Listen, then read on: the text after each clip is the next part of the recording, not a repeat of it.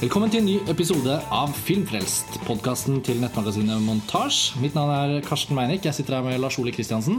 Vi er jo faste panelmedlemmer, så det er nesten kjedelig å introdusere seg selv hver eneste gang. Men i dag har vi en gjest. Alexander Huser, velkommen til Filmfrelst. Takk, takk.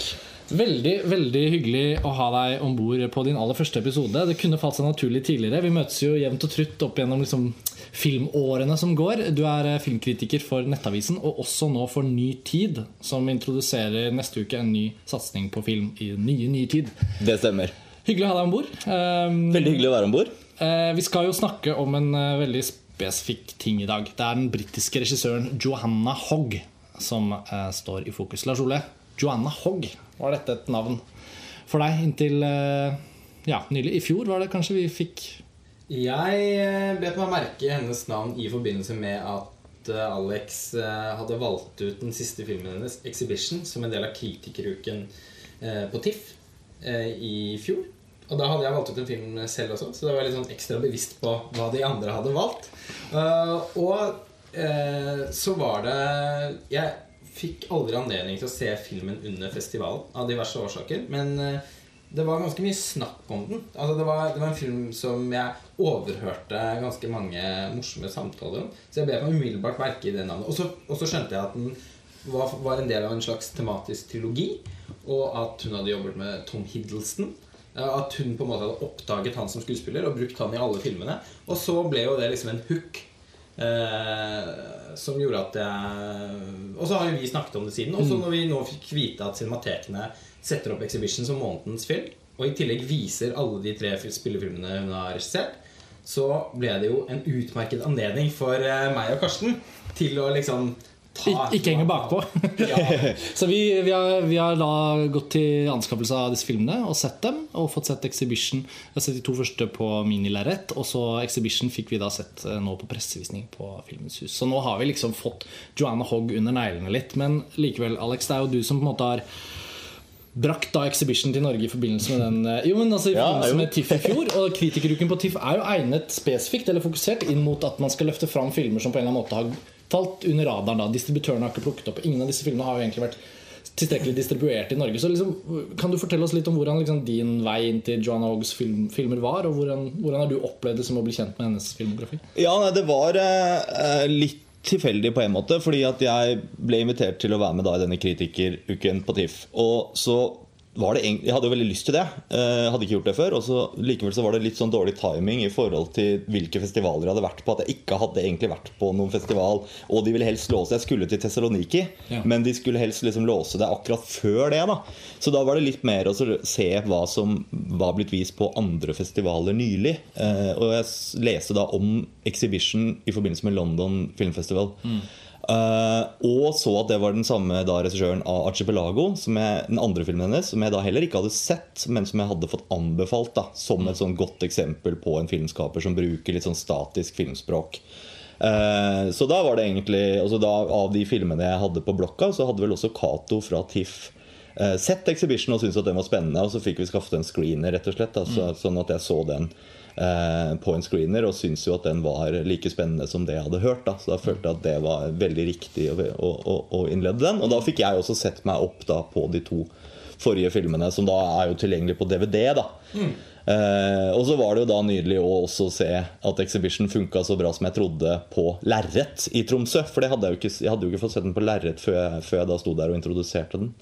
Eh, men selvfølgelig, det er jo en sånn film som, som funker veldig godt på lerret. Ja, altså den eh, visningen i dag. Den hadde den Altså, det var det, bæ- altså, det er jo det et kinorom kan skape, er liksom en sånn veldig konsentrasjon som passer Som kler en sånn film som den utmerket. da Man, Det er noe med den der, sånn helt sånn der klaustrofobiske følelsen nesten som man får av å befinne seg i det huset. Og i sånne filmer. Ja, som, eh, som blir litt forsterket når man ser det på kino. Eh, når det er sagt, så syns jeg jo ikke det var noe vanskelig å kjenne på de følelsene når man så filmen på DVD òg. Vi hadde riktignok anledning til å se eh, det med, på en prosjektor med lerret, så det ble jo Skru av lyset og litt konsentrasjon, så får man noe av den samme effekten. i hvert fall Ja. Men det er klart, det er jo litt sånn Det er på en måte suggererende filmer, og som, som på en måte ja, Det hjelpes jo da av et, eh, en kinoopplevelse. Selvfølgelig, Den suggererende følelsen blir jo mye sterkere. Men så er det jo det med eh, estetikken rundt arkitektur. da Det er jo noe med det også, det filmspråket der som jeg synes er liksom veldig særegent. Hvordan hun bruker da bygg og arkitektur og landskap som en integrert del i filmspråket også. Som, som på en måte er litt av hennes særpreg. Som går igjen i alle de tre filmene, da, men som kanskje liksom når et peak i Exhibition. Hvor liksom den her modernistiske villaen blir en egen karakter, nesten. da eh, i ja, filmen. Det var, jeg opplevde det som filmens ho absolutte hovedkarakter. Mm. Altså, selv om de eh, to andre filmene også er veldig Altså De forholder seg jo veldig tett til stedet der hvor de utspiller seg. Mm. Eh, og, og, og, de stedene blir brukt på en veldig uttrykksfull måte. Og det er stort sett snakk om hus, mm. selv om de går noen turer og kjører eh, litt med bil og, og, så, og, forholder seg til landskapet rundt også, så er det jo mm. veldig store deler av filmene som i hvert fall eh, utspiller seg på et begrenset område. da Men mm. det blir jo da helt bokstavelig i den siste filmen, som nesten utelukkende utspiller seg i dette, denne modernistiske villa. Men for å ta det litt kronologisk, da. Så Johanna Hogg hun debuterte med 'Unrelated' i 2007. Mm. Så hadde hun sin andre film, 'Archipelago', i 2010. Og 'Exhibition' hadde festivalpremiere i hvert fall i 2013. Så hun har liksom hatt tre år mellom hver av disse tre spillefilmene. Men debuten kom da hun var 46-47 år ja, gammel. Det, ja. Så det er en litt sånn interessant også, måte for en regissør å liksom ankomme den internasjonale scenen. har hun? Jo, nei, altså Hun jobbet da eh, som Eller med reklamefotografi. Jeg lurer på om hun jobbet som assistent for en reklamefotograf. Eh, og så var det vel da hun I, den forbindelse så fikk hun i oppdrag å lage en film om en eh, skulptør eller en kunstner. da Hvor hun da lånte et Super 8-kamera av Derek Jarman. Så han ble en sånn tidlig mentor for henne. da mm. Og den filmen hun lagde av han skulptøren, den gjorde at hun kom inn på London Film and Television School eh, i Beckensfield, som jo er på en måte mest prestisjetunge skolen der. Joachim Trier har gått. Ja, stemmer. Og Erik Skjoldberg. Og, og eh, hun ble jo uteksaminert derfra i 1988. Eh, med da en på det tidspunktet ukjent Tilda Swinton i hovedrollen. Ja. Eh, så hun har det jo litt med å oppdage folk som senere kommer til å gjøre det stort. da ja. Eh, men så tok det jo da nesten 20 år 19 eller 20 år før hun mm. debuterte med mm. Unrelated. Og hun, hun, hadde jo en lang karriere da i TV-bransjen og jobbet med ulike britiske TV-serier. Det er det liksom konvensjonelle TV-serier? Ja, altså, ja, ja, det er ikke de mest sånn cred-seriene, det. Altså. Uh, det er det ikke. Uh, det er ikke sånn men... at du har hatt et sånn kjempespennende TV-prosjekt over mange år mellom uh, den filmskolefasen og spillefilmdebuten? Nei, men har jobbet jevnt og trutt, da. Så, men så tror jeg kanskje hun ikke jobbet så trutt på 2000-tallet, uten at jeg helt vet hva som skjedde der. Men du kan jo si at det kanskje har en sammenheng at du kan lese litt ut av Unrelated. Ja. Eh, fordi den begynte da som et selvbiografisk prosjekt. Uh, og det handler jo om da en kvinne i midten av 40-årene og som sliter med uh, å finne, og tilhørighet og ikke minst barnløshet og, og på en måte uh, ja, føler seg unrelated i sitt eget liv kanskje og til sine nærmeste. da mm.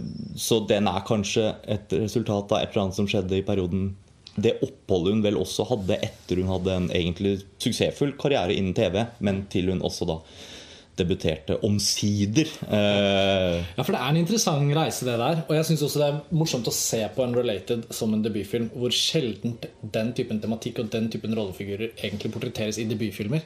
For mm. veldig mange debutfilmer eh, har en sånn, energi, sånn førstegangsenergi. Og gjerne ja, så, Gjerne litt ung tematikk. Ja, Dumt eksempel er med Joachim Trier. da, Reprise. Liksom sånn, filmer som liksom Det er noe med at de lager noe om det de kan noe om og vet noe om der og da. Når du da har en debutant som er 46, så er det veldig flott å se i den filmen hvordan det virkelig er sånn Ja, den handler om noe hun vet og kjenner til der og da i sitt liv. Men det er veldig sjelden faktisk type historie hvis man tenker på debutfilm. Det er veldig få som er akkurat sånn. Enten så handler det om veldig gamle mennesker, eller så handler det om, ofte om veldig unge mennesker. Og så er det ikke akkurat en vaklende debutfilm. Eh, det er jo et fiks, et fiks ferdig kunstnerisk uttrykk som uten Altså det, det, er veldig vanskelig å se at det er en debutfilm, for det er så eksepsjonelt gjennomført eh, som det den er. Ikke sant? Den er jo moden på mange måter. Da, ja, ikke sant? Og, og, og, og selvsikker. Og, at man ser at hun da anslår liksom, slår an den tonen og den stilen som hun da har gjort i tre filmer. Mm. Eh, selv om hun, jeg vil jo si at hun på en måte har utviklet seg også, men, men at den, hun legger liksom grunnlaget for sitt filmspråk. Mm. Og tematisk også, egentlig, i den filmen. For den første, altså 'Unrelated', da, den, er, den, syns jeg også Og det er interessant når du forteller at den da i hvert fall til dels er selvbiografisk. Eller begynte, ja, begynte som det, i hvert fall. ja Ja, fordi den føles veldig nær. Altså, På tross av at hun Altså, formspråket hennes er såpass distansert. da Altså, alle Det er jo nesten utelukkende eh, totalbilder. I hvert fall veldig få. Lite bruk, sparsommelig bruk av nærbilder. Eh, statisk kamera minner jo da både om Ruben Østlund eh, Vi snakket også om Erik Romer, så at du nevnte han i din artikkel for, eh, for Cinemateket også. Eh, Så han ikke blir under sammenlignet med ofte, da. Men da er den Ja. tematiske forskjellen så stor, tenker jeg, at den blir liksom mindre Ja, jeg syns jo det er en klar forskjell der, og det er jo egentlig det du er inne på. At jeg syns det er fantastisk den her kombinasjonen av et litt sånn distansert, observerende filmspråk med en veldig sånn dyp empati Ja, for karakterene. Og det uten å, uten å skulle nødvendigvis disse Hanneke, men jeg, kan jeg, jeg føler ikke at empati for karakterene er hans fremste kjennetegn. Han fokuserer på andre ting. Han, han har blitt et annet sted. Men altså eh, man, eh, man kobler seg veldig på hovedkarakteren, syns jeg, og hennes blikk. Fordi hun er jo, Det er jo da to familier som er på ferie sammen i et eh, flott sommerhus i Toskana. Åpenbart litt sånn øvre middelklasse. Og hun er med som en sånn litt sånn sistemann på lasset. Altså denne venninnen som, som de Hun har ikke noen barn. Kan ikke hun få komme? Hun Jo, hun Det tar det. være hyggelig for. Det blir hyggelig for oss òg. Ja. Eh, og hun identifiserer seg da mer med ungdommene. Fordi at hun føler altså Hennes liv er ikke satt ennå. Og nå får vi jo ikke vite altså, Hun har jo også et, et, et drama som vi ikke kan avsløre her, føler jeg, men som filmen spiller på, men ikke avslører før helt mot slutten. Uh, uh, og, Men den spenningen ligger der hele tiden. Man føler virkelig Det er jo også, også en evne, uten å dra inn Hanneken, for det er ikke der jeg føler det ligger, men det der å både ha den varme eh, konstante varmen i menneskeskildringene, altså, så- og hvordan grupper fungerer, som jeg syns er Østlund-parallellen, hvis man skal dra en parallell. Ja, særlig, ja, det særlig de ufrivillige liksom med den derre de der gutta i de de der, som er ute på tur. ja, ja, ikke sant? Og Sånn, også sånn, men også sånn hvordan to familier på ferie Det er noen noe onkler og tanter, noen fetter noe brød, noe sånt, Og de ungdommene som liksom De holder på med sitt. Altså de voksne holder på med sitt Det er veldig sånn flott og varmt portrettert. Men veldig tidlig så sa, sanser man en sånn spenning. Ikke bare litt en erotisk spenning da mellom henne og en av de unge, men sånn det var liksom sånn Hva er dette? Hva er dette? Og filmer som klarer å få etablert det tidlig, og holde det, liksom, får jo en helt egen eh, sånn Det er jo ikke en helt en historie her heller, så kraften ligger på et annet sted. Ja, Det fortelles jo i sånne tablåer, da. Eh, samtidig som det etableres jo ganske tidlig den her, ja, spenningen. altså Hun dras inn da mot denne ene unge mannen som, som Eller i den ungdomsgjengen, da.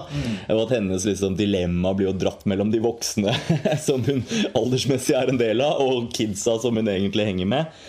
Eh, Men, men det er jo liksom hele tiden en sårhet der. Ikke Ja. sant? Selv, om man også kan snakke om den der awkwardnessen. Det er jo, det er, jeg føler at det er noe veldig britisk over Joanna Hoggs filmer. Og, og dermed er det veldig naturlig at hun også gjør den der så, som Ruben Østlund driver med, men har den her, de, de sosialt ubekvemme, side, eller so, ubekvemme siden av sosiale relasjoner. på En måte da. En sånn studie av det, eh, som jo selvfølgelig Ricky Gervais og sånn har holdt på med eh, på et mer direkte komisk plan. da. Men at det også kombineres med en sånn sårhet, da, hvor du hele tiden føler på den her ensomheten og lengselen til hun Ja, du, du kjenner hvor plaget hun er i den slags mellomposisjonen. Hun, er, hun er en del av de voksne, de voksne, men føler seg ikke helt som dem, fordi hun er ikke så etablert. Vi vet, hun har jo da en samboer, eller kanskje til og med en mann, som, eh, som hun har hatt en krangel med, og som derfor ikke er med på ferien. Som opprinnelig skulle vært med. ikke Ja, så det ligger der. Og så merker man at hun liksom Fordi at hun også Dette blir også en anledning hvor hun kan være bare seg selv. da Ikke med følge. Og måten hun da trekkes mot dynamikken hos de unge. Og identifiserer seg kanskje mer med den, samtidig som at de vurderer henne som altfor gammel. Så de går henne ikke helt i møte. Det blir noe sånn eh, du, du kjenner på hvordan hun blir litt sånn ukomfortabel med hele og, og at hun føler at hun er ikke helt en del av noen liksom noen av de sosiale konstellasjonene som, som utgjør denne gruppen med mennesker som drar på ferie sammen. Akkurat det er en veldig god observasjon. Både som hun har gjort i arbeidet med å liksom, skrive manus og tenke ut hva slags film hun skal lage, men ikke minst i liksom, selve iscenesettelsen. Det synes hun treffer så bra så mange ganger. Og også noe så enkelt som casting. Nå har jo vi blitt kjent med Tom Hiddleston som filmpublikummere, uavhengig av Joanna Hoggs filmer, da, og så ser man disse nå. Men det er gøy å tenke på at det er hans aller første film, og hans liksom karisma og unge sånn lekne sånn det, Hans energi. Målt mot hun som spiller hovedpersonen, som jeg aldri har sett i noen andre filmer. Eh, Jeg fant fram navnet hennes nå, for jeg husket ikke det heller. Catherine Worth.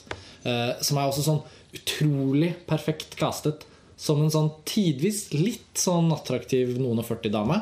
Men så også veldig sånn vanlig. Og, og, og når hun tar disse joggeturene, så er det i den litt sånn leie joggeshortsen og en sånn eh, Magebelte. ja, magebelte. Og det er liksom sånn Hverdagsmennesket skinner veldig klart igjennom også.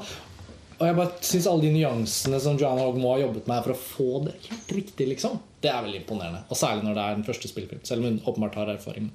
Men jeg tenker jo at hun er en mester på casting òg. For det er jo også noe med hvordan hun skriver disse karakterene. Jeg, syns jo på en måte at det er litt sånn gjennomgående at hun ikke er så opptatt av at de skal være så sympatiske hele tiden. Og at det, det er også gjennomgående at det er litt sånn øvre middelklasse. Det er veldig sånn bemidlede mennesker. Og så er det ikke noe sånn nødvendigvis noen klassekritikk i det. på en måte Det er ikke noe, Man skal ikke liksom unnskylde at de har penger, eller kanskje en karakter i andre filmen som kan komme tilbake til, som har slitt litt med det. Men, men at liksom det er ikke noe sånn nødvendigvis å skulle rakke ned på disse Eller ha en klassekritikk, men samtidig så er det ikke liksom heller sånn så fordømt sympatiske heller. De, de kan være ganske usympatiske, men likevel så finner hun noen sånne cast som gjør de interessante, og som gjør at vi, vi gidder å være med dem, da, uten at de er skrevet som sagt som så klassisk sympatiske karakterer. Da. Og det syns jeg jo Ja, veldig godt eksempel hun, hun hovedpersonen der, da. Eh, og Tom Hiddleston, som har en veldig sånn ja, åpenbar karisma, selvfølgelig. da Eh, men det er vel også hun fra Broadchurch spiller vel også Er vel hun venninna, tror jeg. Ja, det er kanskje ja, ja, sett ja, ja, ja. Hun har jeg sett i Ja. mange britiske filmer. ja, ja. Men ofte i ganske sånne små roller. Mm. Morsomt å se henne. Hun syns jeg var veldig god.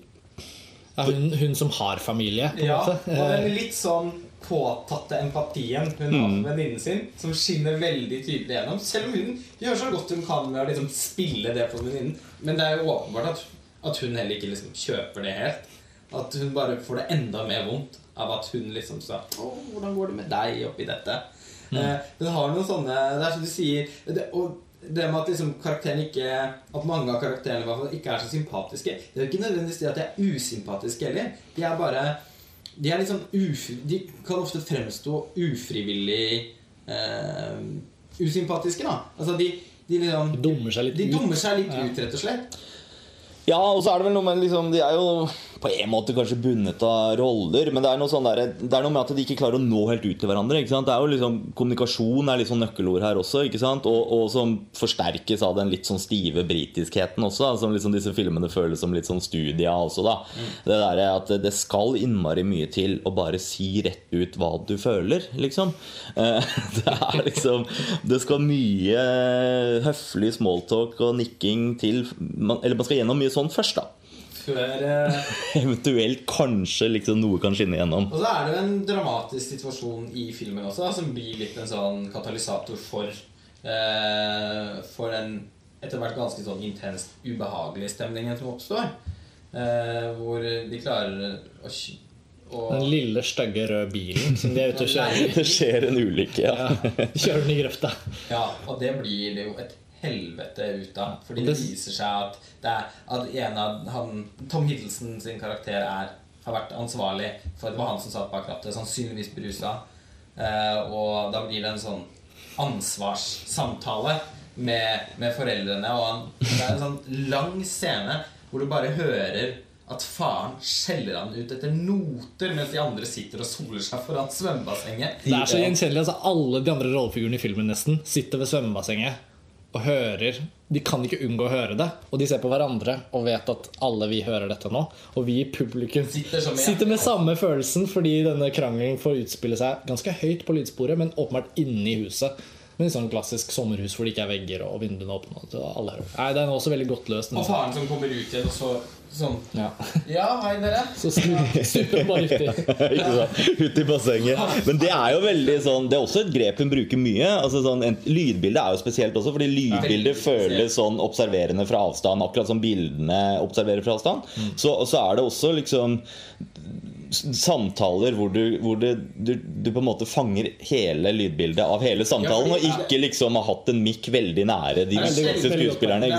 Og, og både det og i tillegg at du da også har masse lyd som foregår utenfor bildet. Sånn som nettopp det du beskriver nå. At Av og til så er lydbildet fokusert på Eller det som er viktig å høre, det foregår utenfor det vi ser. da Og det er, det er sjelden man ser filmer hvor romlyden er mikset så høyt. Så det gjør at man får inntrykk av å overhøre nesten alle samtalene. Og det i kombinasjon med at, kam at kameraarbeidet har en sånn gjennomgående observerende stil, gjør at man liksom får veldig følelsen av å være flua på veggen i det huset. At man liksom Man når aldri helt inn til dem, samtidig som man får følelsen av å høre overhøre samtaler, få vite om ting som man egentlig ikke skulle. Man, man føler liksom at man er en fremmed, da. Og Eh, akkurat det vi er inne på nå med lydarbeidet, syns jeg føles mer radikalt i hennes filmspråk enn nødvendigvis det statiske kameraet. For det har vi jo på en måte mange eksempler på at det går an å det, Man kan finne det, og det, hun har gjort det veldig bra her. Men det å gjøre ly, lydmiksen akkurat sånn som vi snakker om nå, og virkelig ikke, nesten aldri fokusere lyden, ja. men heller ta inn sånne store bilder, sånn som, sånn som vi er inne på, det, det føltes virkelig sånn I kombinasjon med det statiske kameraet så føltes det ut som hun fant en veldig bra ting der. Jeg er helt enig, og det er, mer, og det er veldig originalt. Og jeg er enig, for Det er jo selvfølgelig veldig mange som jobber innenfor et sånt statisk kamera. Det har jeg etter hvert sett ganske mye av det. Og, og det er klart, altså sånn nå ved gjensyn av Unrelated, da, så, så der bruker hun jo også nærbilder. Altså Hun holder tilbake, men bruker nok mer av det enn hun gjør i de senere filmene også. Men det er jo også noe jeg føler at hun etter hvert har gått en, altså at det er en utvikling, at hun har blitt egentlig særere. da og, og sånn sett, i forhold til det eh, du snakket om i stad, at, at eh, Lars Ole, i forhold til det her med katalysatoren i form av det som skjer med bilen, at det er noe sånn at det bygger seg opp eh, at, at, at sånn sett så er kanskje litt sånn dramaturgisk sett Unrelated er dramaturgisk sett også den mest, mest konvensjonelle. da Fordi at Ja. den bygger da nettopp opp til et slags sånn en nødvendig konfrontasjon som man kanskje ikke har i samme grad i de to neste filmene. da Men det er jo nettopp det når hun hovedkarakteren i Unrelated er så dratt mellom disse to grupperingene på denne ferien, så, så er den, hun er nødt til å liksom ta et valg på et eller annet tidspunkt hvor den, den, den hendelsen blir en katalysator for at hun er nødt til å ta et valg. Og da er vi jo innenfor liksom noen ganske sånn tradisjonelle dramaturgiske modeller, egentlig. da Ja. Uh, Og det er i større grad, syns jeg, i den filmen enn hun har gjort i de påfølgende filmene. da Ja, det er jeg helt eh, enig i. Jeg opplevde så, sånn, uh, Og det var kanskje også noe av årsaken til at jeg, jeg fant en, liksom en emosjonell inngang til den første filmen som var litt åpnere enn det som var tilfellet med de to andre. Og etter å ha sett Nå har jeg bare sett de én gang, da. Men sånn umiddelbart syns jeg nok kanskje Unrelated var den jeg likte best. Eh, som jeg synes var mest interessant å snakke om etterpå. Fordi, kanskje også fordi tematikken akkurat var litt mer gjenkjennelig. Eh, I hvert fall Ja. lett identifiserbar. ja, nettopp det var gruppedynamikkaspektet. gruppedynamikk-aspektet. Altså, vi alle har jo vært i situasjoner på turer med litt sånn ulike konstellasjoner av, av folk, hvor man skal liksom finne sin plass i det. Eh, og den, den, berørte noe som jeg i hvert fall kjente kunne kjenne meg veldig igjen i. Det er klart at Exhibition, som handler om et eh, sånn veldig velstående kunstnerpar i en superdyr modernistisk villa i London det klart, Ja, det er klart det er noen åpenbare ting. Og jeg, jeg begynte jo som sagt med den filmen, så jeg Ja. begynte jo liksom i det jeg vil si at er hennes særest, særeste film. Da. Men jeg syns jo den er fantastisk fascinerende. Men sånn i forhold til favoritt, så syns jeg tror nok egentlig jeg liker Archipelago best, da. Ja. uh, men, og som, som på en måte har veldig mange likhetstrekk med Unrelated, uh, men som likevel gjør noen litt annerledes ting, da.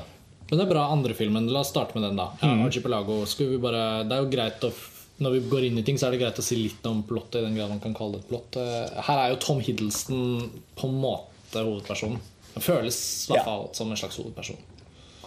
Men vi er ikke i Toskana lenger.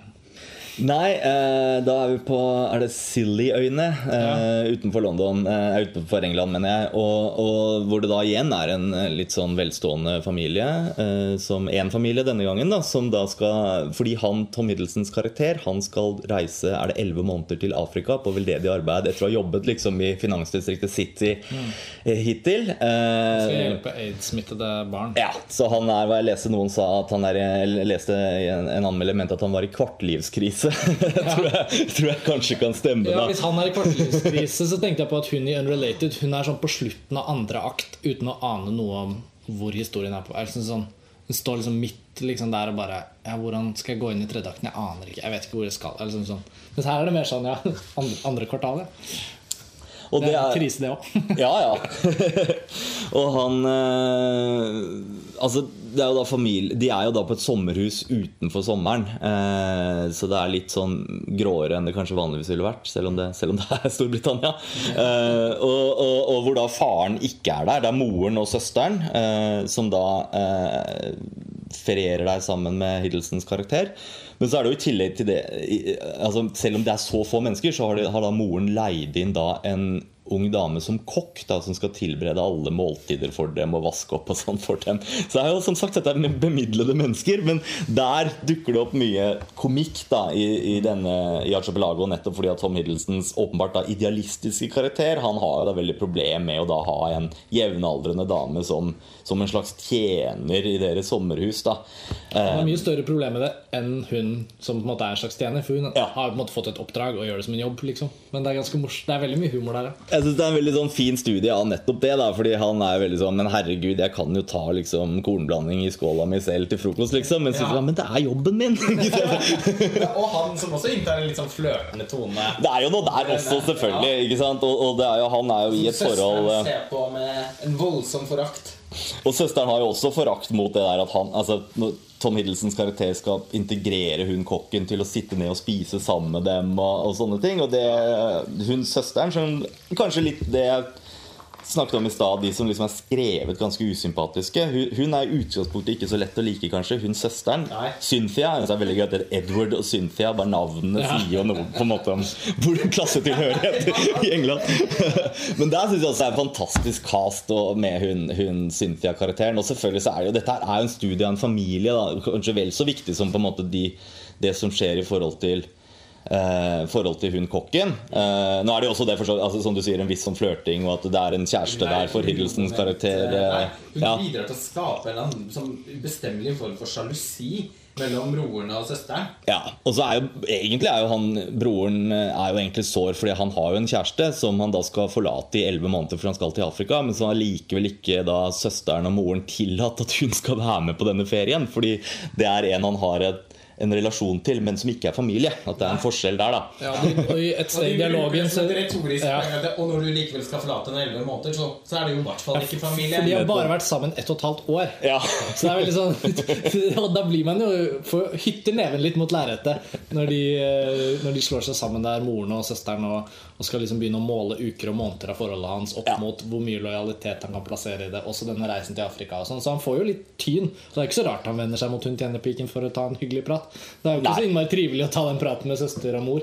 Ikke sant? Men så er det noe med, igjen altså, tilbake til det med cast. Da, at jeg liksom likevel så merker jeg at jeg liker hun søsteren litt på en måte også. Da. Hun, hun har jo altså mer enn at kanskje skuespilleren er pleases the eyes, men, men at eh, Altså, det er jo noe med at der, der ligger mye under, under overflaten her også, selvfølgelig. Og at eh, hun sliter med sitt. Og i tillegg så er det da faren som faktisk ikke kommer, som moren er på telefon med. Som, som er sånn gjennomgående i disse filmene også. Da, hvordan da Tilsvarende hvordan hun hovedpersonen i Unrelated var på telefon med sin kjæreste hele tiden. Så er det jo er det da moren her som er på telefon med da faren som ikke kommer, da. Og i, og i Exhibition så bor de i samme hus, men også på telefonen. Hva gjør du der oppe i andre etasjen nå? Nei, jeg ville bare sjekke. Ok, ha det. Et Det er jo helt med intern, Ja, interntelefon. Ja. jeg måtte bare trekke det inn nå, for det var sånn flott mønster. ikke sant? Akkurat det at det er en, det er en morsom ting som går igjen liksom, dette gjennomgangstemaet da som, som, som syr en tråd mellom alle de tre filmene. Da, kommunikasjon og en, eh, en veldig sånn eh, distansert og ofte litt sånn Det er akkurat som de inntar roller overfor hverandre, selv om de også burde kjenne hverandre bedre. Det virker ikke som at de eh, kan være trygge nok på hverandre til å på noe som helst tidspunkt egentlig være seg selv. Og det er, jo- jeg, Sånn som jeg tenker med han Tom Hiddleston-karakteren da i Archipelago, er at han Det virker som at han er seg selv i de scenene når han er sammen med hun kokka. Mm. tjenestepiken, da. Da, liksom, da kan han være den han er til vanlig. Men når han setter seg rundt bordet med moren og søsteren, så må han innta en sånn rolle hvor han føler at han må veie alle ord for å ikke misbehage noen av de andre som sitter rundt bordet. Så han tenker at han er under angrep idet han går inn i en hver situasjon med dem. liksom Ja. Eh, Og det er han jo litt. Restaurantbesøk og, og Ja, det er, det er jo nydelig når de skal trekke ut på en, eh, en restaurant, eh, og da også invitert med kokken, og, og søster ikke er helt fornøyd med, med maten. Det er, det er noen fine awkward moments, kan man si. Og så er det nok en gang det der du sa med at det er litt off-season. Så det er sånn De kommer til den litt fjonge restauranten i dette øylandskapet utenfor Storbritannia. Det er ingen andre på restauranten. De bruker flere minutter på å bestemme seg for hvilket bord de skal sette seg ved. Søster og mor leder an, og så skal hun klage på maten. Jeg på. Jeg syns jo sånne situasjoner er vanskelig i virkeligheten. Eh, Jeg hadde opplevd faktisk en nesten helt identisk situasjon i fjor sommer. Hvor jeg og noen eh, venner av meg var på en hyttetur som er en sånn fast årlig hyttetur på Tjøme. Eh, hvor den ene veldig nær venninne av meg da eh, var gravid og hadde noen voldsomme sånn hormon... Humørskifter. Og, Og humørskifter og, og noen voldsomme følelsesstormer egentlig under hele oppholdet, som vi, som vi også alle hadde det ganske morsomt med. Men som den ene kvelden når vi da skulle ut og spise på en sånn eh, pittoresk plassert eh, sjømatrestaurant, så, så ble det en situasjon som var nesten identisk med filmen. Hvorpå hun endte opp å bli, så sint at hun endte opp å gråte og forlot middagen. Kelneren følte seg, følte seg bra etterpå. Ja, Nå har du fått en gravid kvinne til å forlate restauranten. Kan du være fornøyd. Nei, men det er noe med det, de det ble situasjon- bare gøy etterpå, da. Eh, Så, det, så sånn sett så ble ikke Så den tåler å bli gjenfortalt. Ja, den tåler å det var ikke Stemningen ble ikke den samme som i, som i Archipelago. Nei, men den situasjonen her da som Joanna Hogg fikk deg til å huske på noe fra virkeligheten Det er noe med det. I alle filmene føler jeg at når hun tar sånne Der hvor jeg føler det ikke alltid funker så bra, så er det jo ofte fordi at ideene vokser litt for store for det hun behersker så godt. At liksom det kan, Noen steder kan komme inn på det når vi snakker om exhibition. eh, Så, så tenker jeg sånn Oi, der gikk hun liksom plutselig i en helt annen retning igjen. Mens når hun tar disse situasjonene som, som kan være ganske enkle ideer, sånn de drar på den restauranten og alt går galt, liksom. Men der inni den enkle liksom, Ok, nå blir det en situasjon. Så syns jeg hun treffer så godt med, med hvordan uh, de folka reagerer på hverandre når, reaksjon, altså når hun klager på maten, så er det ikke bare det, men det er jo hvordan de andre reagerer på at hun gjør det. Altså hans, liksom sånn Hvordan alt krymper seg. Altså, det er liksom sånn, hun orkestrerer det på en sånn helt detaljstyrt måte, men uten at vi føler at hun har manipulert scenen til å passe inn i filmen. Altså sånn, Du føler bare at den vokser ut av seg selv.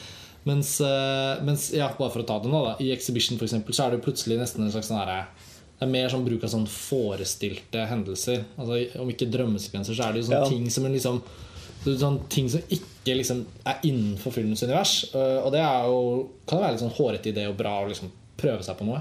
Men der følte jeg sånn, å, da savnet jeg at hun heller brukte grep som hun har lyktes veldig bra med i de to andre filmene. Mm, ja, nei, altså det er jo jeg, vet ikke, jeg liker det, men det er jo noe nytt hun gjør der i Exhibition. Ja, at hun faktisk har med drømmesekvenser. Ja. Men det er noe men tilbake til på en måte bare den iscenesettelsen. Ja, det er jo en helt sånn fantastisk naturlighet. Og det, jo, det virker jo veldig lite skrevet. Og, det er nok ganske fritt for skuespillerne hvordan de leverer replikker og sånn. hvordan hun jobber. Jeg vet ikke nøyaktig hvordan hun jobber, men det virker jo som dette er ganske sånn de har fått ganske ja, det, er ikke, det er liksom ikke pugget skrevet dialog, tror jeg. Det, merker man jo på hvordan de snakker også, at det, veldig ofte så stopper de opp. Og det er mye halve setninger og sånn, mye mer enn man vanligvis ser i film. da Men også så, akkurat den scenen på den restauranten er en veldig sånn Ruben Østlundsk scene òg, da. Samtidig som jeg tenker at Ruben Østlund ville kanskje tatt det enda lenger. Eh, som kanskje gjør at den her oppleves mer realistisk, Ja, egentlig, hun- enn Østlund ofte Ja, gjør. jeg er enig, fordi hun bikker ikke over i noen sånn sketsj. Nei, nei, det er akkurat det. Eh, ja, nei, det, hun, hun er veldig god på å ivareta en troverdigheten i nesten alle scenene. Og, og det, igjen så har det noe med dette lydbildet å gjøre. Fordi scener som altså, eh, Tilbake til Unrelated. da En scene hvor de drar inn til en by i Toskana. Ja. Der jeg vet ikke hvilken Nærmeste, by. Nærmeste by. lille, store by, på en måte. Eh, hvor de sitter på en sånn, en sånn piazza eh, med hver sin vannflaske og tar en pust i bakken. Og der oppstår det en sånn samtale som hadde liksom tilnærmingen Rett og slett hadde regien vært annerledes, så kunne den vært en sånn litt sånn klassisk, litt kunstig utfyllingsscene. men fordi at lyden av alle som går rundt på det torget, og følelsen av sånn en lang dag, trasket mye rundt, blir så fremtredende, så opplever man det mer som en sånn samtale mellom to litt sånn slitne mennesker som kanskje ikke har så veldig mye å snakke om. Og sånn bare Well, yeah. yeah. Altså, det, det blir en sånn troverdig tomprat, da. Og så får de sitte i Ja, det jeg, jeg hengte meg veldig opp i De det. Men kommer vel inn, Det er jo noen ting de, hvor han stiller mer personlige spørsmål enn hun er klar altså, Det er jo noen sånne ting der òg, ikke sant? At, Ja. eh, at han, hun ikke egentlig er klar for å svare på de spørsmålene han stiller. og Ja, sånn fordi settingen Så er er, jo no- ja. kunstig for en sånn type samtale. Ja, Men- kanskje. Men, den snik, men hun sniker jo da inn ganske mye av det vi trenger å vite om at hun har ting på skjeve i livet sitt også, gjennom at hun ikke svarer ordentlig. Også. Altså, så, Ja. den, det er jo, Så er jo eksposisjon der, òg. ja. Så, Men den er veldig elegant bare med i en scene som egentlig føles som noe annet. Mm. Og så sitter man kanskje etterpå og bare Oi, det var jo det Ja, jeg det egentlig ville Jeg syns vite. hun er så Ja. god på liksom og, å, å ikke Det er nesten sånn uh, Apropos uh, the, jeg håper å si The Prestige eller tryllekunst. Altså sånn omdirigere oppmerksomheten vår. Sånn at Ja. Får oss til å følge med på det her, denne stemningen, denne feelingen, og så smakke inn masse informasjon under der. Og så tenker man ikke at man blir lurt da, eller ikke lurt, men ja, du skjønner hva jeg mener. ja, det er ja, kanskje litt sant. Altså. For det er jo det er så veldig slice of life, alle de scenene. ikke Ja. sant? At du føler at du observerer noe som bare utspiller seg i en familie, eller da med noen på en piazza på ferie. liksom. Men så, selvfølgelig så er det jo viktig informasjon for handlingen og karakterene som kommer fram i de scenene også, da. Og som du var inne på i stad, så er hun ikke så opptatt av liksom, Selv om hun skildrer den øvre middelklassen, da, så er hun ikke så opptatt av liksom, klasseperspektivet. Eh, hun lar seg i hvert fall ikke forlede av det. Så, eh, så, og på den måten så, så, så blir liksom vår inngang til å kjenne oss igjen i scenen også mye kortere enn hva det hadde vært hvis hun hadde blitt veldig opptatt av å liksom eh, iscenesette en, på en måte en, en levemåte som er fjernt for de aller fleste tilskuere. Ja.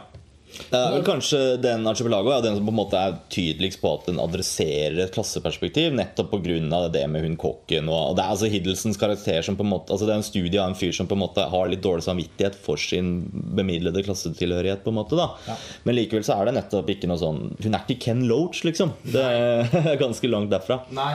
Hun er jo liksom som en i hermetegn en svenske med en helt ok deltidsjobb i Norge. Som liksom tar en jobb en periode. Altså sånn, Du får ikke noen følelse av at det er noe sånn dårlig kår eller dårlig jobb. Eller hun virker jo altså sånn, Hadde hun tatt av seg forkleet på kjøkkenet der når hun setter seg ved bordet med de andre, da, Ja. så er det jo som om hun fint kunne ha vært kjæresten hans òg. Og jeg tenker jo litt at det er en tilsiktet minisammenkobling. da At når han på Dødelig skal ha henne med, så er det jo også som en sånn erstatning for Jeg skal vise dem at de lar ikke kanskje dama vi får være med på denne ferien. Nå skal søsteren min og moren min få føle på at liksom, jeg kan også ta med meg Jeg kan løfte en annen inn til den plassen. Eller sånn, eller sånn. Men i det store og hele syns jeg kanskje Archipelago den eh, Den har så mange likheter med Unrelated, men den har ikke det dette dramatiske knutepunktet som vi var inne på i stad. Som på en måte er litt mer sånn et konservativt narrativt grep. eh, litt.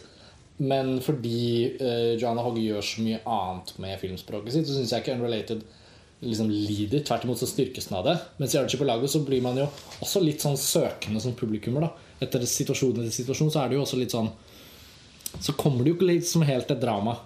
Nei, altså Du kan jo si at den er mer uforløst enn en, Unrelated, fordi det er mer klassisk eh, konfliktopptrapping og klimaks på en måte i Unrelated. da Men jeg syns ikke nødvendigvis det er noen dårligere film. Da. Jeg syns egentlig det er veldig interessant i den filmen. på en måte At den lar en del sånne ting Altså det er noe med at Den klarer å ha en relativt åpen slutt, men som likevel ikke føles sånn tom og hul og åpen eller for vag. Eller, Den har likevel en slags sånn naturlig closure på hele historien. da Og den slutter jo da også nesten helt identisk med Related. Ja, det er noe veldig ja.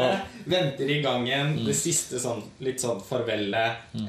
En ekstra ja, nå ble vi stående og prate litt. Så en klem til. Ja. Uten, ikke sant? Uten at det er noen spoiler, så Ja, er jo liksom, det er det med at ferien er slutt, og da er filmen slutt. da Ja. ikke sant? Det er historien om en, en ferie, de to første filmene. da Og dette er jo filmer hvor man kan, hvor man virkelig kan snakke om hvordan de slutter uten at det har noen ting med opplevelsen av filmen å gjøre. For det er veldig sånn, det er jo pakket inn og rammet inn på den måten. Alle tre filmene slutter jo med at hovedkarakterene forlater et hus. Og Det er jo da det huset hvor mesteparten av handlingen har utspilt seg. Og da kan vi jo eh, bevege flytte samtalen over på Exhibition, da. som- Ja, hvert fall som et, Nå glir vi jo litt fra film til film, og det føles veldig naturlig. Men sånn hovedpraten om Exhibition er fint å komme inn på, i og med at det er den ferskeste filmen. Og den Ja. skal nå gå på, på cinematekene over hele landet. Ja. Uh, og det, ja, det var den første du så. Ja. Altså, hvordan, hva, hva tenkte du om Joanna Hogg etter å ha bare sett den? For vi har jo sett i motsatt rekkefølge. Nei, altså jeg, Kanskje jeg ville synes hun var noe mindre kompromissløs da, hvis de hadde begynt i motsatt rekkefølge. For jeg mener jo på en måte at Exhibition er den mest kompromissløse. da eh, Det er mindre åpenbar humor. Eh, og det, sant? det er ikke så mye av den der så, uh, awkwardnessen som blir humoristisk. Fordi, og det er jo fordi at det er mer ned, altså færre karakterer, rett og slett. Eh, og altså sånn Handlingsmessig så er det jo da dette kunstnerparet eh, hvor, som er spilt av ikke-skuespillere. Altså Det er Viv Albertine, som er egentlig fra i gamle dager var i punkebandet The Slits. Og så er det Liam Gillick, som var med i den altså som, som er konseptkunstner. eh, kunstner. Eh, fra, jobber fra 90-tallet som kunstner. da um, og, og som da spiller i et kunstnerpar i denne filmen, men hvor ha, eller Han er arkitekt, og hun er performancekunstner. Og de bor i en sånn fantastisk eh, modernistisk villa, som er, eh, er en eksisterende villa da i, i, i London. Men hvor de da nå skal selge denne villaen. Og, og det er, mens hun jobber på da sitt nye performanceprosjekt parallelt. Eh, tydeligvis en liten stund siden hun har gjort noe sist. Men hun er blitt for en invitasjon om å, om å ha en uh, utstilling. Og så merker man jo at hun har problemer med å skille seg fra dette huset. da og det er jo noe med altså, sånn tema også, Temaer som går igjen, er jo, er jo tilhørighet og kommunikasjon. Altså, som jeg skrev i at jeg føler at jeg er, jeg er litt, litt sånn flau over at jeg skrev og også sa på den innledningen i Tromsø at eh, hennes filmer handler om kommunikasjon mellom mennesker. Eller mangel på kommunikasjon mellom mennesker. Fordi på en måte så kan man si det om alle filmer. At det blir sånn, Hvis du ikke har skjønt hva en film handler om, så er det veldig greit å bare si det. da Det vil alltid være litt riktig. Men, men poenget mitt egentlig var jo at, at, at hun sier noe mye mer interessant om det enn de fleste andre filmer. Og at, og at, og at hun også bruker det på mange måter sånn humoristisk. Og det er med, som du sa Karsten, at de har interntelefon. De to, dette kunstnerparet som sitter i hver sin ende av dette svære huset og jobber. ikke sant? Og ringer hverandre. Og det er litt hum, åpenbar humor. Altså på et eller annet tidspunkt ringer jo hun eh, kvinnelige karakteren. De kalles bare ved fornavn V og D, da. Men hun Vi ringer til mannen da og spør om han kanskje har lyst på sex. på et eller annet tidspunkt. Det ringer, og man føler for det liksom på interntelefonen. Det, det er jo ganske morsomt. Ja, det Altså. er ganske morsomt. uh, og så er det noe med at huset ja, som, at, at huset blir liksom en, en karakter i seg selv i filmen. Og det er litt som at i større grad føles det som at huset eier dem, enn at de eier huset. Eh, så sånn prosess med at de skal liksom eh, kvitte seg med det, føles jo da også som en sånn slags Det er akkurat som det er en kamp mellom huset og dem. Og særlig hennes karakter, da som nærmest liksom føles liksom limt til veggene eh, i det huset. Det er, Det får vi jo visuelle eksempler på også, bl.a. åpningsbildet, hvor hun mm. ligger sånn nærmest sånn eh, helt sånn plasterfestet til vinduet i, på en sånn bred vinduskarm. Og så, det er en veldig flott Det er veldig mange veldig flotte komposisjoner her som er helt åpenbart hypergjennomtenkte for å sette nettopp rom og menneske og relasjoner inn og opp mot hverandre. Og det åpningsbildet eh, på en måte det- oppstår noen flere ganger i andre varianter gjennom filmen, hvor hun eh, med en spesifikk hettegenser, som ikke nødvendigvis er da kontinuitetsmessig de klærne hun går i i scenen før eller etter, men sånn, det er den samme hettegenseren, så det er som om hun øver inn en sånn performance-look. Eller en sånn 'Dette kan jeg kanskje bruke', så tester hun det på huset sitt, liksom. Men da legger hun seg liksom i pakt med vinklene eller materialene. veldig flott eh, scene der hvor hun liksom pakker seg rundt en sånn stol. Ja, ja, ja. ja. Og filmen tar seg tid til at det er sånn forstå og være visuelle uttrykk i seg selv. Litt uavhengig av skildringen av det ekteskap eller relasjonen. Ja, ja. Det blir også litt sånn tassa til side jeg innimellom. syns hun klarer å kommunisere mye av tematikken bare gjennom de bildene. Da, Ja, ja. Du kan, altså sånn helt konkret selvfølgelig bare sånn at man da ser en performancekunstner som jobber fram til sitt eget uttrykk eller prøver, altså eksperimenterer seg fram til noe. Det er noe man veldig sjelden ser på film. Men, Ja. men selvfølgelig at dette, dette reflekterer jo også på en måte ja, hennes indre liv, kan man jo også si. Da. Og at det, er noe med også det her at de er på, Filmen heter jo 'Exhibition', og at hun er performancekunstner. Og at de på en måte blir på utstilling med disse svære vinduene. Det er et veldig spesielt bygg med sånne svære vinduer. Og det er mye bilder skutt utenfra hvor hun står, og det er noe, det er noe ekshibisjonistisk ved henne også. Hun er, hun er, jeg syns hun er en veldig interessant karakter. Og det, det, jeg synes jo på en måte Den er klart den mest subtile filmen av de tre. Den er mest underfortalt og subtil, selv om jeg syns subtilitet er en gjennomgang også i alle Som er en veldig sånn flott ting da ved Ja. Joanna Hoggs filmer.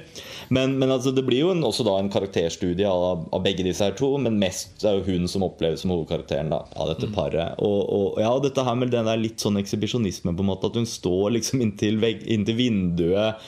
Eh, samtidig som at hun har en eller annen form for angst og er engstelig for verden der ute også. da Ja, for De Eh, snakker jo også veldig mye om vinduene. At, liksom, at det også er noe av det som eh, de kanskje ikke liker så godt med huset. At selv om hun på mange måter gir, for at, eller gir uttrykk for at hun trekkes veldig mot det, sånn, det litt sånn ekshibisjonistiske. da Ja, det er sant, ja. Ja, Hun stiller seg opp Ja. foran vinduet flere ganger med, og med, liksom, med persiennene som hun da drar opp og igjen. Og hun står der naken. ja, for det er jo ikke sant, noe litt sånn erotisk ved det også. ikke sant, ja Men hun oppsøker jo sine egne frykter litt òg, tenker jeg der. Fordi vi ser så tydelig at hun både ikke liker å være alene hjemme og har litt sånn angstfylt forhold til alle alarmene og dørene, og det skal låses. og en sånn vinkeltrapp som tidvis er en veldig elegant trapp, og de går i den sammen. Og så plutselig når hun er alene, så ser vi hvor metallisk og kald og hard og brutal den er. på en måte. Altså, sånn, filmen tar oss jo hele tiden inn og ut av de stemningene hvor hun går mellom å ja, forberede en performance, eller bare være alene hjemme og ikke like det. Eller være på utstilling i vinduet, Ja. blar opp persiennene, står der naken som en sånn Brian De Palma-figur. Eh, Før hun blar det igjen igjen. ja, nettopp. Fordi- Sånn at hun går inn og ut av, Og så- av mange Og forskjellige så har vi liksom blikket til de naboene, da. Dette venneparet. Eh, som, som de åpenbart ikke har noen spesielt eh, Altså Det er ikke noe god dynamikk mellom Altså Det, det er veldig sånn eh, en Veldig sånn oppstilt eh, sosial Overdreven britisk høflighet, tenker jeg. Der. Ja. Sånn, Ja. Skal vi ha det hyggelig, dere? De Hey, også would you like some med- tea? Ja, og de også da som kommer med sine betraktninger rundt huset. De er åpenbart også ganske misunnelige. Eh, og understreker ja, da, nei, det er ikke noe Det er ikke noe, liksom, noe blivende sted for dere. Dette her, Dere skal jo helt sikkert stifte familie, og det er ikke et barn Det er ikke et hus hvor, det, hvor barn kan vokse opp. Og jeg har også satt og tenkt hvorfor i all verden er det ikke det? Det burde i hvert fall være plass til det. det må man kunne Det er et veldig spennende hus. Altså, det, Ja. man, jeg tror man kunne hatt en ganske morsom barndom der inne. Og det understrekes jo av det siste bildet i filmen, hvor det da er en barnefamilie som har flyttet. Uten å spoile for mye, da, så ender det jo med å flytte ut. Og, og i den siste filmens siste innstilling så ser vi eh, en familie med er det, tre barn eller noe. Som, Og det er da også en, ser ut som Etter min, min litt sånn etniske radar så, så det ut som en rik Singapore-familie. Med litt sånn spesifikt eh, sørøstasiatisk uttrykk hvor de har en sånn Og jeg så det på navnet også i etterkant, så tenkte jeg sånn ja, kan, Min tolkning, selvfølgelig. Men det er sånn veldig spesifikk sånn rik sånn bankmann eller Du må ha råd til å kjøpe det jævla huset òg, da. Ja, det er ikke hvem som helst som Nei, så så jeg bare prøvde å tolke, for jeg synes det var så gøy å tenke. Ja, ok, gir oss ett bilde. La oss se hvem det er som kan ha kjøpt. Kan du liksom, jeg forestilte meg det inni hodet mitt. jo Han har en sånn rik familie fra Singapore, og han skal jobbe i en bank i City. Og så har de kjøpt dette huset, og de barna som begynte å spille fotball med. Det var veldig flott. Veldig flott. Ja, det var veldig flott, syns jeg. Men jeg, jeg synes også at bare for å avslutte det, du var inne på den middagen hvor de er hos naboene. Jeg synes det er utrolig morsomt at hun som da er performancekunstner da bare tenker sånn Fuck it, jeg orker ikke dette lenger. Så faller hun om og bare Å, jeg er dårlig, jeg er besin. Og så går de derfra og så bare sånn jeg klarte ikke å være der lenger. Jeg måtte Ja, ja. Og det er sånn den derre kynismen i å liksom bare ta det sånn. Den er litt sånn fascinerende og inkludere Han når de som også da responderer som han kjenner Ja. godt de trikset fra Ja, Å, ja. herregud, må du dra den? Ja, ja, ja. Men, det det, er jo- viser ja. også litt hvor, hvor De er jo ikke bare liksom De er jo ganske is fremstår ganske isolert i sitt liv. Det er jo ikke sånn at du føler en sånn boblende nærhet av venner og kjente. Når de først har en kommunikasjon med naboen, så orker de ikke et minutt ekstra, og så faller hun om, og så drar de derfra. Liksom. Det, er, ja, det, det tilfører jo noe av den der kompromissløse feelingen som du beskrev tidligere. Det, det er en film som er så veldig De rollefigurene er også ganske sånn hardcore på det de er. Ja. Og så er det altså ensomheten de har òg, Det, det syns jeg også er en gjennomgang, et gjennomgangstema på en måte i alle disse filmene. Altså Tilhørighet og mangel og selvfølgelig mangel på tilhørighet. Da, og med det så kommer det en ensomhet. Og den er kanskje rendyrket der da, med disse to, dette paret som sliter med å kommunisere. De sliter også med å nærme seg hverandre seksuelt. Og, og det med at hun Han er veldig interessert i å høre hva hun jobber med, og hun har ikke lyst til å snakke om det. da, Som er jo ja, også på en måte en litt sånn interessant dynamikk. Jeg synes Han er en fantastisk cast, han også. Sånn Liam Gillick, eh, kunstneren. som er liksom så, Det er noe sånn veldig sånn sympatisk og, og sånn fantastisk sånn stemme du kan høre på lenge. Da. Han, han burde hatt en podkast! Har så veldig rolig, fin stemme. Men, kan, men likevel så kan du liksom skjønne noe med at kanskje liksom han bedrevitende fyren der at du, hvis, hvis du har litt sånn sårbart på tidlig stadie ikke vet helt hva din neste utstilling skal være, det er ikke sikkert at du orker å prate med han om det likevel. Liksom. Du kan skjønne det, da. Ja, det kan. For han et veldig sånn lungt nærvær i filmen. Og er nok, men er også litt full av seg selv, kan man kanskje tenke. Da, men, ja. Ja, fordi han er, virker så trygg på seg selv Mm. at det kan virke provoserende for en som Som hun, da, som er performancekunstner òg, som er eh, Ja, hvis man kan kalle det et yrke, så er det også et yrke hvor man hele tiden må søke etter forskjellige versjoner. Altså finne seg selv på nytt igjen og igjen og igjen. Og gestalte det med sin egen kropp og sin egen stemme i i, i, i de performance Perform, performancene. Ja, ja. Ja, ja, ja. Jeg tenkte fall, ja. Innledningsvis i Exhibition så tenkte jeg umiddelbart på 'Vintersøvn' av Nori Bilge Ceylan. Hvor, eh, hvor den liksom litt sånn han bryske hovedpersonen øh, opplever at den unge kona ikke har villet liksom ta han med på dette veldedige arbeidet hun holder på med. Og jeg følte det var en umiddelbar parallell der hvor hun liksom ikke ville diskutere arbeidet sitt med han, for hun vet hva som kommer. Apropos det du sa. Han er Ja. litt sånn selvfornøyd sånn Ja, ja, han, han i Vinterland Han er jo mer selvfornøyd. Ja. Langt mer selvfornøyd. Men, Ja. men ja, ja, ja, ja. Nei, det- ja. ja. Men eh, nei, Apropos subtilitet, da, så Ja. kan man jo si at eh, fordi selv om jeg syns uh, Jailan-filmen var helt eh, utrolig bra, Mm. og vel, ikke minst veldig underholdende, så var den ikke spesielt subtil. Eh, man kan jo si at Johanna Hogg lykkes med å eh, Med å skape egentlig et ganske lignende drama. Ja, for det var det jeg skulle si Jeg syns det var paralleller mellom Wintersøen og Exhibition, men Ja. liksom bare Men veldig forskjellige ja, innfallsvinkler. Ja, fordi Vintersjøen er så dialogtung Mm. og, og veldig Og tyrkisk. og veldig tydelig altså, Og bergmansk. Altså, Ja, ja, de, de, de godter seg med å rive maskene av hverandre. Og, og, og sånn er det jo ikke her. Altså, og det gjelder for alle filmene. At karakterene Det er ingen av de som har, virker som de har genuint lyst til å svare hverandre. De bare ender med å Fordi at de ikke klarer å forstå de andre rundt bordet, så ender de med å si ting på Kanskje bare formulere seg på måter som de ikke helt skjønner at den andre eh, Som gjør at den andre misforstår. Og så blir det bare en sånn En, en, eh, en dysfunksjonell kommunikasjon, rett og slett. dette med kommunikasjon. Ja. Ja, ja, ja, men det er liksom uunngåelig, det, altså. Vi har jo også kommet på en måte fullsirkelen. her. Vi har snakket om alle tre filmene, og vi har også en sånn eh, tidsramme for episoden som vi nærmer oss slutten av. Så, så eh, det er jo flere ting å utforske her, men det er jo ikke minst nå en kjempegyllen anledning for, eh, for de som er interessert i å, å, å bli kjent med disse filmene til Joanna Hogg. For den, som vi sa innledningsvis, nå vises jo da, i hvert fall i Oslo, så vises alle disse tre filmene på Cinemateket. Nå, nå på vårparten. Det er bare å gå inn på Cinematekets sider og finne visningstidspunkter og sånn. Og Exhibition skal altså ut på de digitale cinematekene. Og Kosmorama viser den vel også nå i Trondheim. Så det, det blir jo liksom sånn nå skal liksom Joanna Hogg hamres litt i bordet her hjemme, og vi har tatt denne episoden. Det, er sånn, det føles utrolig fint å kunne gjøre seg et nytt sånn filmisk bekjentskap. Og britisk film er jo en litt sånn merkelig nasjonal film som jeg aldri helt får tak på. Alle reiser jo til Hollywood og jobber der. Og så er det liksom Mike Lee, og så er det Ken Loach, og så er det liksom noen og så selvfølgelig Andrew Arnold. Det mangler ikke på navn. Men det er alltid litt sånn vanskelig å sette fingeren på hva liksom britene er gode på. Jeg syns dette var et skikkelig fint tilskudd til sånn følelse av at ah, britisk filmskaper. Ja, altså Det er noe ekstremt britisk. ikke sant? Og det er selvfølgelig med det med kommunikasjonen og at de ikke klarer å helt si hva de, hva de mener, og sånn, som, som vi sikkert har litt av her i Skandinavia også.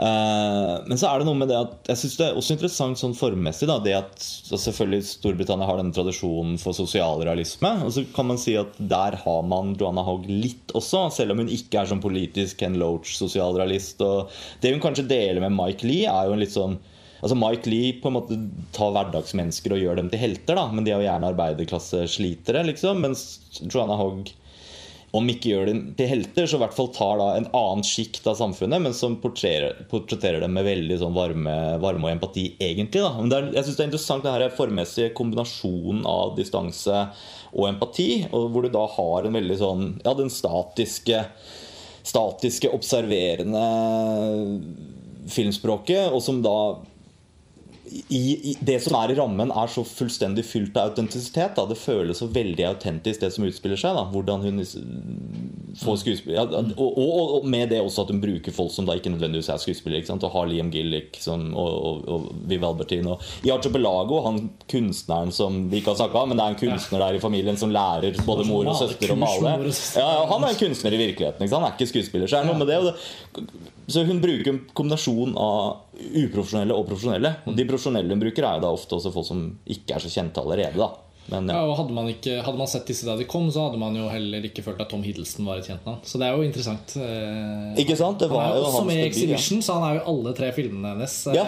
Eh, men i en bitte liten rolle som eiendomsmegler. Eh, veldig godt castet, da. Riktignok mm. også der veldig mm. godt castet. Som eiendomsmegler som kommer inn og prøver å berolige dem. Og dette skal vi finne ut av ja, nei, Dere vil ikke at huset skal bli revet hvis det kjøpes opp av noen developer. Sånn. Nei, det skal vi ikke sånn. Men jeg syns du har oppsummert det veldig fint. Ja, altså, det er noe med nettopp den eh, kombinasjonen av eh, statisk kamera, eh, et spesielt lydbilde og en sånn egentlig en veldig sånn distansert stil. Og, og, likevel da få oss til å føle at vi kommer veldig nært på stemningene og situasjonene. Det er jo det er et, eh, et veldig, en veldig spesiell ting med alle, alle de tre filmene. Jeg blir jo veldig nysgjerrig på å se hva hun gjør videre. Det virker jo som kanskje dette er et litt sånn avsluttet kapittel. Hvis det er en tematisk trilogi, så er det jo kanskje naturlig å tenke at hun ja. vil uh, utforske noe annet. Jeg, tenkte, ja, jeg, jeg, er ikke, jeg, er ikke, sikker på om hun nødvendigvis har uttalt at dette i seg selv var tenkt som en tematisk trilogi, men, ja. men jeg tror det egentlig at hun har tenkt det. Og at jeg, mener i hvert fall har lest at hun har sagt at det kan veldig godt hende hun gjør noe helt annet etter dette. Ja. Det blir veldig spennende uansett å se hva det, hva det, er det neste hun kommer med her. Og for de av dere som ikke får oppsøkt filmene på Cinematek, så er jo alle da tilgjengelige på DVD, og Exhibition også på Blu-ray, så det er liksom mulig å kjøpe fra Storbritannia. Eh, vi må avslutte. Alex, fantastisk hyggelig å ha deg som gjest på Filmfrelst. hyggelig det, må, det må vi gjøre igjen uh, når, neste gang det byr seg en god anledning. Vi er ferdige for denne gang. Takk for at dere hører på. Vi kommer tilbake med nye episoder, og neste anledning blir nok filmfestivalen Kosmorama i Trondheim. Det blir det. Vi høres. Ha det bra. Ha det bra.